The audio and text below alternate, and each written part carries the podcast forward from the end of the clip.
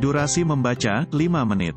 Selamat datang para pembaca yang budiman, khususnya para developer dan pengembang sistem setanah air. Saat ini perkembangan dunia pekerjaan dalam bidang pengembangan sistem, khususnya, dihadapkan pada budaya atau kultur baru yaitu bekerja dengan metode kolaborasi. Metode ini sebenarnya sudah sering kita implementasikan namun seiring perkembangan teknologi, metode ini menjadi lebih efisien dan efektif.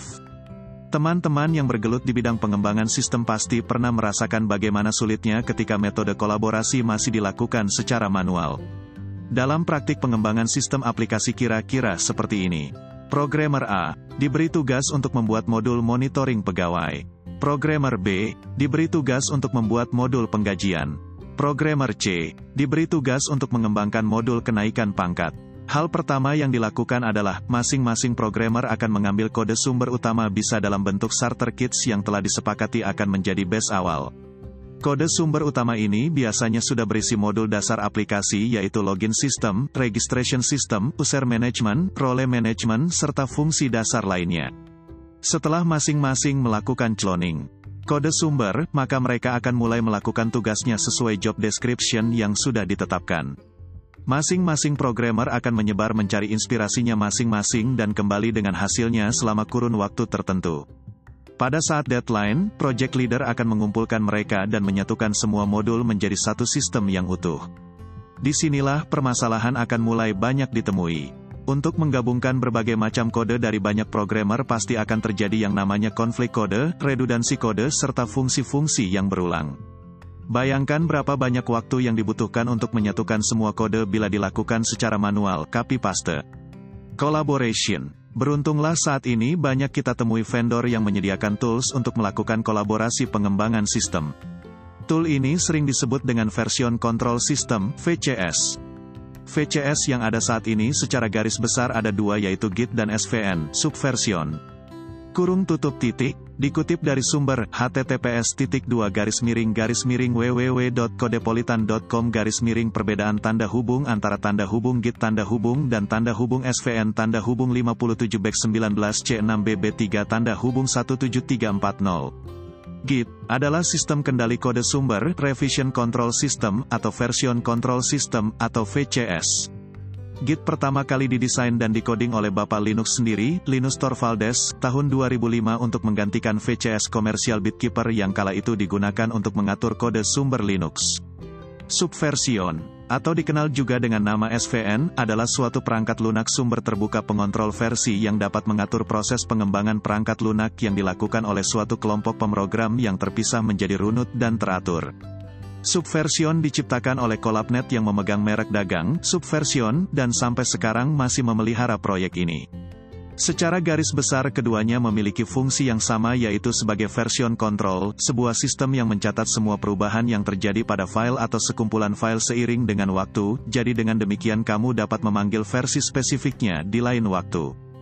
Dengan adanya source code management maka ketiga programmer di awal tidak perlu menunggu saat deadline baru menyerahkan pekerjaan untuk dikompilasi, namun mereka bisa secara real time melakukan update pekerjaan dan dilakukan review serta kompilasi oleh project leader. Ketika ada permasalahan seperti konflik file, redundansi serta duplikasi fungsi, project leader akan dapat melakukan perbaikan secara cepat dan tidak memerlukan metode konvensional copy paste kode. Semua ini dapat terwujud karena metode kolaborasi sudah menggunakan tools yang diakses melalui komunikasi internet. Untuk teman-teman yang ingin memperdalam teori dan pemahaman mengenai SCM, Source Code Management, bisa mengakses video tutorial gratis dari Decoding di bawah ini https titik dua garis miring garis miring www.dicoding.com garis miring akademis garis miring 116 implementasi SCM dengan Git Kraken http titik dua garis miring garis miring bit.ly garis miring Git Kraken garis bawah download. Secara teori teman-teman pasti sudah memahami dengan penjelasan di atas. Saat ini kita akan mengenal tools yang biasa saya pakai untuk kolaborasi dan source code management yaitu Git Kraken. Pertama-tama silakan mengunduh software tersebut melalui link berikut http garis miring garis miring bit.ly garis miring gitkraken garis bawah download. Setelah proses instalasi selesai, teman-teman diharuskan melakukan registrasi member baru aplikasi GitKraken seperti gambar di bawah. Login via GitHub atau registrasi ember baru GitKraken. Pada semua aplikasi SCM yang ada sebenarnya konsepnya hanya ada dua hal yang perlu dipahami yaitu pull dan push. Pull untuk proses mengambil kode dari server kolaborasi, push untuk proses menyimpan kode ke dalam server kolaborasi.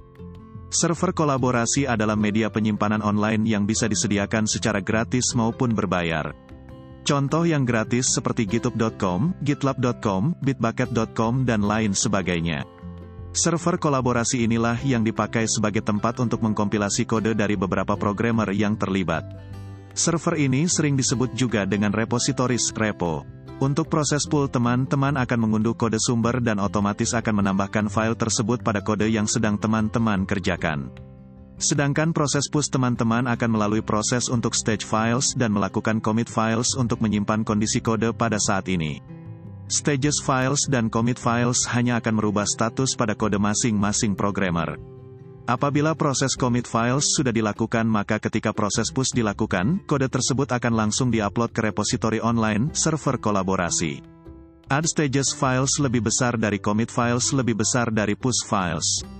Untuk lebih jelas mengenai praktik menggunakan Gitkraken plus GitHub bisa langsung mengunjungi artikel rekan saya di https garis miring garis miring medium.com garis miring at kidi.sis garis miring tutorial tanda hubung GitHub tanda hubung desktop tanda hubung with tanda hubung Gitkraken tanda hubung branching tanda hubung merge tanda hubung version tanda hubung kontrol tanda hubung C679E5E547A2 Sekian artikel mengenai source code management dengan tool Git Kraken, semoga bermanfaat bagi teman-teman semua.